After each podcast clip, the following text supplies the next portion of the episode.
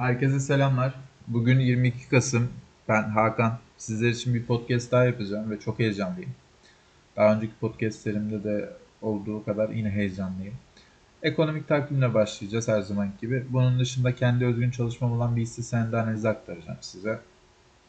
Altın ve petrol haberleriyle devam edip teknolojiye geçeceğiz. En e, beni heyecanlandıran kısmı da teknoloji kısmı açıkçası. Ekonomik takvimle başlayalım. Haftanın ilk günü Çin faiz oranı verisi açıklandı. Faizler sabit bırakıldı. Açıkçası e, şahsi olarak trade hayatımda çok bu veriyi kullanmadım. Bunun dışında benim dolar endeksi üzerine işlem yaparken takip ettiğim mevcut ev satışları var. ABD tarafında Türkiye saatiyle 6'da bugün açıklanacak önemli bir veri. Mevcut ev satışları bunu takip edeceğiz. Salı günü Euro ve Sterlin bölgesinde gayri safi yurt içi hasıla ve satın alma endeksi olan PMI verileri açıklanacak. Euro ve sterlin trade işlemlerinde e, saatlik al-sat yapanlar dikkat etmeliler. Bu veriler açıklandığı saatlerde e, etkili oluyorlar. Özellikle FX işlem yapanlar için gerçekten de önemli. Bu hafta takip edeceğimiz veriler dolar tarafında çarşamba günü benim için biraz önem adletiyor. ABD tarafında yurt içi hasıla ve işsizlik başvuruları. Türkiye saatiyle saat 22'de de FOMC toplantı tutanakları açıklanacak. Bunlar önemli. Ekonomik takvimden sonra da hisse senedi bahsettiğim kendi çalışmama, kendi düşünceme geleyim. Türk Traktör. Türk Traktör benim de işlem yaptığım e, bankanın kendi model portföyünde var. Ben 2021'de de takip ediyordum.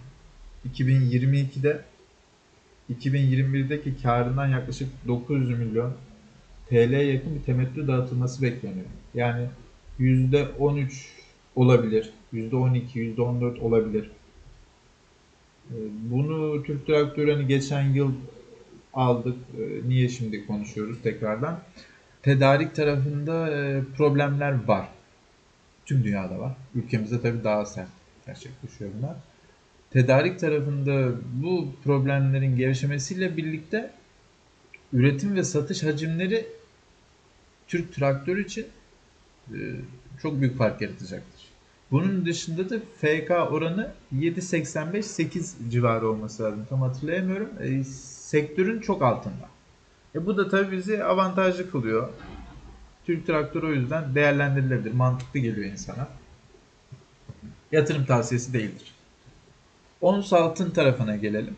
Ons altın e, değerli metaller tarafında ya da genel olarak konuşayım. Gümüşle ilgili de konuşalım.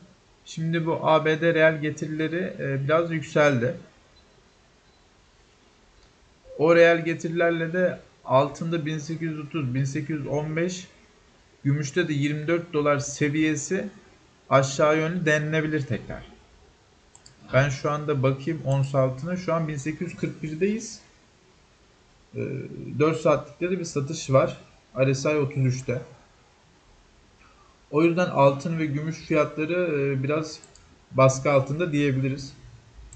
E, bu kapanma haberleriyle ilgili çok fazla gündemde e, akış var. Çok fazla haber akışı var. Özellikle Avrupa bunu çok ciddi anlamda konuşuyor. ABD için durum biraz farklı. ABD'de eyaletlerde farklı aşılanma oranları söz konusu. O yüzden eğer bir kapanma olursa bu Avrupa tarafında gerçekleşebilir altın ve gümüş belki o gerçekleşecek olaylardan sonra yönünü de değiştirebilir ama şu anda e, altında açıkçası biraz baskı var. Altın trade yapanlar, FX işlemi yapanlar biraz dikkatli olabilirler. Bir sorusu varsa bana da ulaşabilir. Trade yapanların. Bunun dışında petrolle ilgili konuşacaktık evet. Petrol tarafında daha önceki podcast'te de belirttim. Ee, çok büyük bir prim yapmasını ben şahsen hani beklemiyorum. Ee, zaten biraz da belirsizlik var. O belirsizliği geçen podcast'te belirtmiştim. Biden'ın ABD stratejik petrol rezervleriyle ilgili bir açıklama yapması bekleniyordu. O beklenen açıklama gelmedi. Avrupa'dan gelebilecek kapanma haberleri tabii ki petrolü e, biraz baskılıyor. Geçen hafta bahsettiğimiz e, ham petrolde 75 dolar destek bölgesi vardı. Şu anda da o bölgeye çok yakınız. E, yukarıda 84-85 dolar var.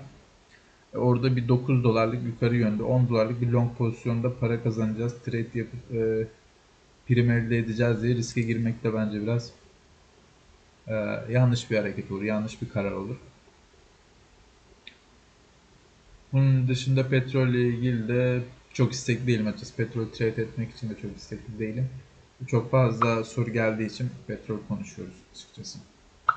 Bu kapanma süreçleri Avrupa'da tekrar başlarsa petrol fiyatları çok sert bir aşağı yönlü hareket yaşayabilir. Bunu birçok kez gördük. Teknoloji haberimize gelelim. Teknoloji kısmı beni de çok heyecanlandırıyor. Daha önce Airbnb'nin yerini alabilecek Web3 sürecine uyum sağlayan yeni projelerden, yeni girişimlerden bahsetmiştim. Bunlardan bir tanesi Rentberry'ydi. Benim için önemli olan başka bir proje ise lojistik alanında. FedEx gibi büyük e, global devlerin yerini zorlayan SweetBridge projesiydi. Bugün sizlere Dropbox, Google Drive'a alternatif olabilecek Filecoin ve Safe Network'ten bahsetmek istiyorum. Aslında ikisi de önemli. Ama Filecoin biraz daha önde. Ee, biraz daha Web 3'e, biraz daha merkeziyetsiz sisteme daha hızlı giriş yaptı diyebiliriz. Çünkü gerçekten de hem SweetBridge projesi olsun hem Raspberry olsun kendi alanlarında daha önceki yıllardaki e, girişimlerde başarılı olmuş büyük girişimlerin yerini zorluyor. Mesela SweetBridge'den bahsedersek sadece lojistik değil aynı zamanda muhasebe üstüne de çalışmalar var. Yani komplike bir çözüm sunmaya çalışan bir proje. O yüzden heyecanlandırıyor. E, Filecoin'e dönecek olursak da mesela şöyle söyleyeyim kullanmadığınız depolama alanınız var. Satabilirsiniz Filecoin kullanarak. Veya alan satın almak istiyorsunuz. O zaman Filecoin ile alan alırsınız. E, Filecoin kripto para piyasasında belki en çok beklenen projelerin başındaydı. 2017 yılında ortaya çıkmıştı. Aynı yıl gerçekleştirdiği token satışı e, yani başlangıçtaki token satışı çok büyük para toplamıştı. 250 milyon doların üstüne para toplamıştı sanırım. E şimdi e, yeni yeni aslında haberleri artmaya, gündeme çıkmaya başladı. Filecoin e, az önce söylediğim gibi hem depolama alanı da alabiliyorsunuz, elinizdeki alanı da satabiliyorsunuz. Eğer depolama alanınızı satıyorsanız Filecoin madenciliği yapmış oluyorsunuz depolama alanını sunan kullanıcı olduğunuz için, madenci olduğunuz için de size Filecoin token ödeniyor. Ödül gibi yani bir maaş gibi, bir prim gibi, para gibi düşünebilirsiniz. O Filecoin de şu anda yaklaşık 50 dolar fiyatı. Trade yapabiliyorsunuz zaten uluslararası piyasalarda, uluslararası borsalarda geçerli olan bir token. Depolama pazarı üzerine disk alanı sunmaya başlayabileceğini gösteriyor yazılımcılar. Filecoin yazılımını çalıştırıp depolama pazarı üzerinde disk alanı sunuyorsunuz.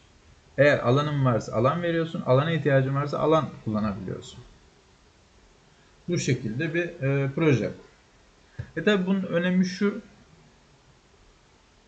Amazon, Microsoft, Dropbox, Google Drive mesela. E tabii ki bunlardan da siz depolama alanı alabilirsiniz. Ama merkeziyetsiz değiller. Sonuçta Google Drive'dan alıyorsun, Dropbox'tan alıyorsun, Microsoft'ta yüklüyorsun. Bu yüzden Filecoin e, Web 3 anlamında yani merkeziyetsiz olması, statikoyu e, yıkmaya çalışması anlamında güzel bir proje. Ben ileride daha da e, kullanımın artacağına inanıyorum. Tabii ki bu hemen olmayacak ama kesinlikle birileri bunu hayal ettiyse dünya buna cevap verecektir benim kendi düşüncem. Safe Network'ten de bir sonraki podcast'ten bahsedelim. Çünkü e, bu biraz uzun oldu. Bir de Safe Network'e de haksızlık olmasın. Filecoin ile ilgili başka ekleyebileceğimiz bir şey. Genel olarak özetlersek durum şu aslında. E, Rentbear'dan bahsetmiştik. Airbnb'nin rakibi olabilirdi. Airbnb'yi yıkabilirdi. Ama Airbnb'nin de hakkını teslim ettik. Bir önceki podcast'te dinlerseniz Airbnb e, bundan yaklaşık bir yıl önce, iki yıl önce blockchain teknolojisini yakalamaya çalışmış bir şirket. Bunun dışında SweetBridge'den bahsetmiştik. O da FedEx'in tahtını zorluyordu. SweetBridge de gerçekten lojistik anlamında, muhasebe anlamında, e, depolama anlamında çok komplike bir çözüm. E tabii ki e, sadece taşıyan bir e, lojistik girişimi değil. Zaten dünyada öyle bir yer oldu ki artık bir işi yapmanız tam anlamıyla yeterli olmuyor. Mesela ne oluyor? Nike mesela bir ayakkabı üreticisi ama Metaverse üstüne yatırım yapıyor. Çok ilginç. Artık herkes bir teknolojiye giriş yapmaya çalışıyor. Tüm büyük şirketler. O yüzden e, Sweetbridge, Rentberry, Filecoin gibi projeler kesinlikle ama kesinlikle e, hak ettiği değeri mi diyelim ya da piyasa değerini kesinlikle ulaşacaktır. Ben inanıyorum. Ki bu da zaten dünyanın da talep ettiği bir şey. Yani bunu dünyada açıkçası e, değerlendirecektir.